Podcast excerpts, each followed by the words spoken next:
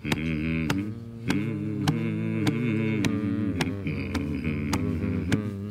on.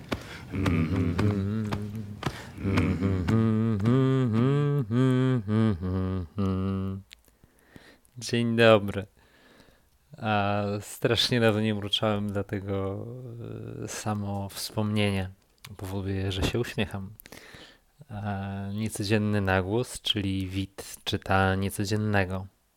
Dziś o tym, dlaczego Facebook jest jak cukier. I to nie z tego powodu, o którym myślisz. Dawno, dawno temu, jeszcze zanim byli premierzy polowali kamieniami na dinozaury, polska reklama przekonywała, że cukier krzepi. A potem okazało się, że i owszem, jest w cukrze energia, ale coraz bardziej uświadamiamy sobie, a może raczej uświadamiane nam jest, że w nadmiarze cukier jednak szkodzi i uzależnia. Tylko jest tak słodki i tak wszechobecny, że trudno go sobie odmówić. Tym bardziej, że nie szkodzi już od razu, ale jak przystało na każdego truciciela, nie spieszy się, za to plony zbiera jak złoto. Wniosek? Cukier umie w odroczoną satysfakcję. Facebook działa troszeczkę jak cukier, bo zrozumiał, że potrzebujemy małych przyjemności. Najlepiej dużo, nawet jeśli niedużych. Badania pokazały, że facebookowe reakcje, powiadomienia, komentarze w odpowiedzi na nasze posty i inne aktywności w tym serwisie działają na nasz mózg, który utożsamia je z przyjemnością i tryska dopaminą jak nastolatek, bez opamiętania. Od tego też się uzależniliśmy i bez wielkiego zastanowienia sięgamy po więcej i domagamy się częściej. W sposób absolutnie fantastyczny Facebook zrozumiał, że wystarczy dawać poczucie satysfakcji i łechtać odpowiednie ośrodki w mózgu, a ludzie niemal na każdym poziomie wiedzy, zamożności i odpowiedzialności lądują na głodzie, na którym Facebook, jak przystało na mądrego dealera, zarabia, odpowiednio dawkując i wyceniając działki. A na głodzie są teraz i jednostki, i instytucje, i poważne biznesy, które na Facebooku muszą być. Przy czym, jak już tam wejdziesz, to po tobie. Ale nie o tym podobieństwie myślę. Zacznijmy od dziwnej lekcji historii. W latach 30. XX wieku w Stanach Zjednoczonych zaczęła rosnąć liczba zachorowań i śmierci spowodowanych przez raka płuc. Choroba, która wcześniej była raczej rzadkim powodem zgonów, weszła na ścieżkę prowadzącą do tytułu najpowszechniejszego raka Ameryki Północnej. Co ciekawe, jeśli popatrzy się na to z naszej perspektywy, krzywe popularności papierosów i zachorowań są dziwnie zbieżne. Ale w połowie ubiegłego wieku ta korelacja zdecydowanie nie była oczywista. Dopiero wyniki prowadzonych w latach 50., zakrojonych na szeroką skalę badań, zwróciły uwagę polityków, a papierosy, które w trakcie I i II wojny światowej były popularyzowane przez wojsko, zaczęły być mniej przychylnie widziane na salonach. Za tą nieprzychylnością poszły także ograniczenia. W 1967 wprowadzono zakaz reklamy telewizyjnej papierosów w Wielkiej Brytanii. W 1971 zakaz reklamy telewizyjnej papierosów wprowadzono w USA, ale marki pojawiały się jeszcze później w telewizji, choć bez jednoznacznego promowania dymka. W 1997 zakaz reklamy papierosów na billboardach i tzw. Tak outdoorze czy w środkach komunikacji publicznej w Stanach Zjednoczonych. W latach 2003-2005 wprowadzano kolejne ograniczenie reklamowe dla wyrobów tytoniowych w Wielkiej Brytanii. Od 2003 roku WHO zarządziła umieszczanie komunikatów o szkodliwości palenia na opakowaniach wyrobów tytoniowych, niezależnie od skuteczności tej komunikacji. Od późnych lat 90. kolejne kraje zakazują palenia w miejscach publicznych, w tym pubach i restauracjach. W 2004 roku palenie zostało zakazane w Butanie, a od tamtej pory podobne restrykcje wprowadzają inne, nieco egzotyczne z naszej perspektywy kraje, ale Nowa Zelandia chce być wolna od papierosów w roku 2025, a Finlandia w 2040. Wkrótce może wydarzyć się więc coś, co z punktu widzenia naszych rodziców w kontekście zdrowia i wolności osobistej było niewyobrażalne, ale też mimo oczywistej szkodliwości, zajęło nam blisko 100 lat dojście do momentu, w którym coś w sposób oczywisty szkodliwego dla ludzi i nadal na całym świecie 7 milionów ludzi umiera rocznie na choroby związane z papierosami i papierosy zostają radykalnie ograniczone. A co to ma wspólnego z cukrem? Wyobrażacie sobie akcyzę na słodycze? Albo ostrzeżenia o szkodliwości na butelkach Coca-Coli czy opakowaniu princessy? Prawdę powiedziawszy, ja tak, chociaż zapewne dopiero za kilka lat. Mało tego, uważam, że tego potrzebujemy, podobnie jak prowadzonej na szeroką skalę edukacji o odżywianiu.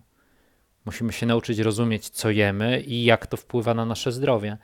Musimy przestać dawać się nabrać na etykietkę bio czy eko i sprawdzić, ile cukrów czy węglowodanów tam w produkcie się chowa, także soli i innych dziwnych składników. Nie chodzi mi o to, że istnieje jakaś cudowna dieta, którą wszyscy powinniśmy stosować, ale uważam, że wszyscy powinniśmy zadbać o wzrost naszej świadomości tego, jak pożywienie wpływa na nasze zdrowie. No dobra, a Zuckerberg? Trzymajcie się foteli, bo teraz będę bluźnił. Ale wcześniej jeszcze będzie mała dygresja. Yuval Noah Harari w Sapiens opisuje, jak nasz gatunek podbijał i kolonizował tereny, na których, zanim tam dotarliśmy, rządziły gigantyczne zwierzęta. Na przykład w Australii mega, bo dwu-, metrowe kangury czy łombaty. Te wielkie zwierzęta nie były ewolucyjnie przygotowane do zmierzenia się z sapiens, który z wrodzoną sobie gracją palił i rabował. Niekoniecznie gwałcił, ale odbijał ich przestrzeń z szybkością, której nie umieli odpowiedzieć i karłowacieli, oddając pole i dostosowując się do nowych warunków. Wydaje mi się, że tak jak mega zwierzęta nie były przygotowane na drapieżność sapiens, tak my i nasze prawo nie było gotowe na internet, a w szczególności na social media. Warto zerknąć na wykres adaptacji radia, telewizji, internetu, smartfonów i social media. Jak bardzo różnią się te krzywe i jak szybko smartfony i social media skolonizowały naszą rzeczywistość. Ci, którzy dostarczają nam social media, bardzo skwapliwie z braku jakiejkolwiek regulacji skorzystali. I teraz, kiedy tylko ktoś o jakiejś regulacji wspomina, od razu podnosi się krzyk o ograniczeniu wolności. Pytanie tylko, czy aby na pewno dzieje się to z korzyścią dla nas, użytkowników, czy dla nich, zarządzających. Co się dzieje w ogrodzie, którego nie pielęgnujesz? Nawet jeśli masz tam najpiękniejsze kwiaty, krzewy, drzewa, jak nie będziesz o niego dbać, zarośnie. Więc nie pielęgnujesz go dlatego, aby ograniczać wolność kwiatów, ale aby zachować pewien porządek i nie zatracić się w chaosie. Powoli dochodzimy do momentu, w którym musimy zacząć trochę ogarniać nasz ogródek, bo robi się tu straszny syf. Krąg pierwszy. Bezkarność. Facebook nie odpowiada za to, jak wykorzystywana jest platforma, a wszystko wskazuje na to, że wykorzystując dostępne na platformie narzędzia, wpływano na wyniki wyborów w USA i w Wielkiej Brytanii. A stawiam złotówki przeciw orzechom, że skoro udało się rozbujać, rozchwiać i podważyć demokratyczne procesy starych demokracji, podobne mechanizmy i działania są stosowane także u nas. Scott Galloway, którego tezy i spostrzeżenia ostatnio chłonę ponad rozsądną przyzwoitość, słusznie, moim zdaniem, dowodzi, że gdyby w podobnym stopniu w wyniki wyborów wpływała dostarczana w McDonaldzie psychoaktywna wieprzo czy wołowina, na ten przykład dostarczana przez rosyjskich dostawców, ktoś mógłby mieć do nich pretensje i powiedzieć: Nie mieszaj się do naszej polityki, jesteś odpowiedzialny za to, co sprzedajesz. Wydaje się to w zasadzie nieprawdopodobne, żeby tak truć nasze organizmy. A czy Facebook jest odpowiedzialny? Jesteśmy platformą, nie medium. Nie ograniczamy wypowiedzi, nie odpowiadamy za wypowiedzi. Well, with great power comes great responsibility. Krąg drugi. Globalność. Czy możecie mi powiedzieć, z jakiego powodu mało kto z Was ma profil na w kontakcie? Albo dlaczego nie korzystacie z Baidu? Czemu czuję się nieswojo, kiedy w kinie widzę film animowany wyprodukowany przez chińskiego Alibaba? Natomiast nie mam żadnych problemów z bezkrytycznym oddawaniem się w ręce platform i firm amerykańskich. Nie chodzi mi o to, aby bić w globalistyczny alarm. Chcemy korzystać z tych narzędzi, ponieważ są wygodne. Przybliżają nas, właściwie wykorzystane pozwalają na zdobywanie wiedzy, środków, klientów. Ale dlaczego uważamy, że powinniśmy jako społeczeństwo bezkrytycznie pozwalać, by narzucali nam swoją politykę? Dlaczego pozwalamy się traktować jak gorszy sort, grając na ich boisku, na ich zasadach i jeszcze im za to płacąc? Część z nas płaci żywą gotówką, część z nas płaci swoją prywatnością, swoimi danymi.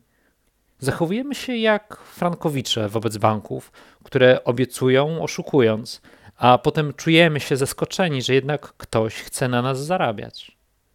Zachowujemy się jak tambylcy, oddając to, co nasze, za koraliki. Nie chodzi mi o to, żeby z tego nie korzystać, ale żeby jednak zacząć rozumieć, że pozwalamy amerykańskim algorytmom modelować nasze życie. A jak skwapliwie pokazuje prezydent Donald Trump, nie wszystko, co amerykańskie i w kolorze złota, jest wartościowe. Krąg trzeci. Szkodliwość. Wyobraźcie sobie, że każdego ranka do waszych domów dostarczana jest darmowa gazeta, w której znajdujecie dedykowany zbiór informacji o świecie, który w części jest prawdziwy, w części propagandowy, w części całkowicie zakłamany. Ale ponieważ na okładce jest słodki kociak, to codziennie tę gazetę przeglądacie. Taką samą gazetę, choć o zupełnie innej treści, dostaje też wasz partner, wasi rodzice i wasze dzieci. Nikt nie kontroluje tego, co jest w środku, nikt nie weryfikuje treści. Z czasem ta darmowa gazeta staje się waszym oknem na świat, waszym filtrem na rzeczywistość. Co zrobicie, kiedy sięgając kiedyś po gazetę waszych bliskich, okaże się, że zawarte tam są kłamstwa o świecie, o historii, o was? Czy przypadkiem nie jest tak, że ktoś powinien jednak określić zasady, co w takiej gazecie może się znaleźć? Lejce oddano nam, mówiąc: sprofiluj sobie, ale zdaje się, że nie dość, że nie umiemy się tymi lejcami posługiwać, to jeszcze ktoś skwapliwie z tego korzysta. I za bardzo nie znamy jego intencji, choć naiwnie wierzymy, że chce dla nas dobrze.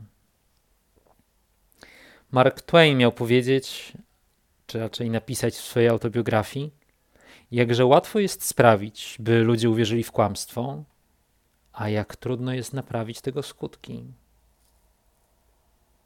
Czy to wszystko znaczy, że social media są istotą zła? Nie. I nie zostały stworzone w złym celu. Ani nie są zarządzane przez złych ludzi, ale są zarządzane przez ludzi, których najważniejszym zadaniem jest gromadzenie pieniędzy, i ci ludzie niekoniecznie zdają sobie sprawę z tego, na ile ich działanie jest szkodliwe dla społeczeństw. To nie pierwszy raz w historii, kiedy jakiś wynalazek, w miarę jego poznawania, zaczyna pokazywać swoje nie tak korzystne oblicze. Przytoczony wcześniej tytoń, albo heroina, albo morfina, azbest, węgiel, ropa, pestycydy, nawozy, plastik. Czy naprawdę trudno nam sobie wyobrazić cukier i social media w tym towarzystwie? Dostaliśmy dostęp do pudełka zapałek i uczymy się podpalać świat. Nie znamy konsekwencji, ale ufamy, że będzie dobrze. Za małą wodą zwykli mawiać hope for the best, prepare for the worst. Zacznijmy zauważać, że niekontrolowana informacja, która rozprzestrzenia się szybciej niż potrafimy to sobie wyobrazić, może być niosącą iskierkę radości reklamą, ale też iskrą rozpalającą samosądy czy czystki etniczne, a Wydawało się, że akurat w kwestii szkodliwości, piętnowania określonych grup społecznych, czy narodów, czy ras, XX wiek jednak nas czegoś nauczył. Kto miałby regulować? Nie wiem. Nie mam wszystkich odpowiedzi, za to mam bardzo dużo pytań. Nie ma żadnych świętości ani żadnej rady starszych, która miałaby legitymację ludu. Ostatnie lata skutecznie do tego doprowadziły.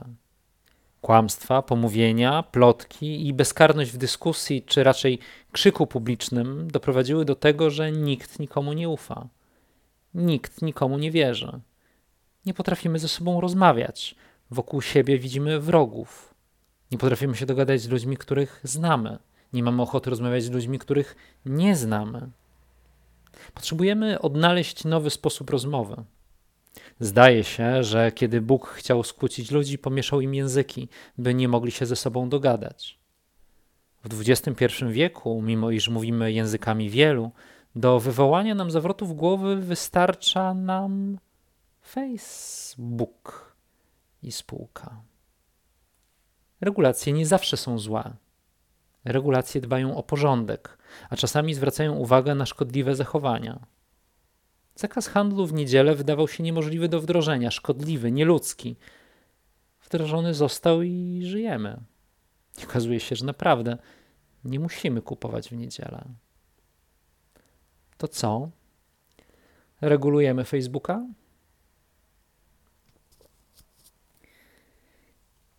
To by było na tyle na dziś. Dzięki wielkie za poświęcenie mi chwili swojego czasu.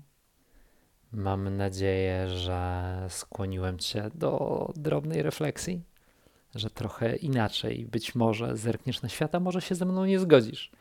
Chodź, podyskutujmy. Nie zakładam, że mam rację, ale zakładam, że warto o tym porozmawiać. Chciałbym poznać Twoje zdanie. Tobie życzę bardzo dobrego dnia i zachęcam Cię do tego, abyś czynił innym ludziom dobrze bo to jak karma wróci i poprawi Twój świat. Także Ty idź i mierz się ze światem, a ja wracam do mruczenia. Mm-hmm. Mm-hmm. Mm-hmm.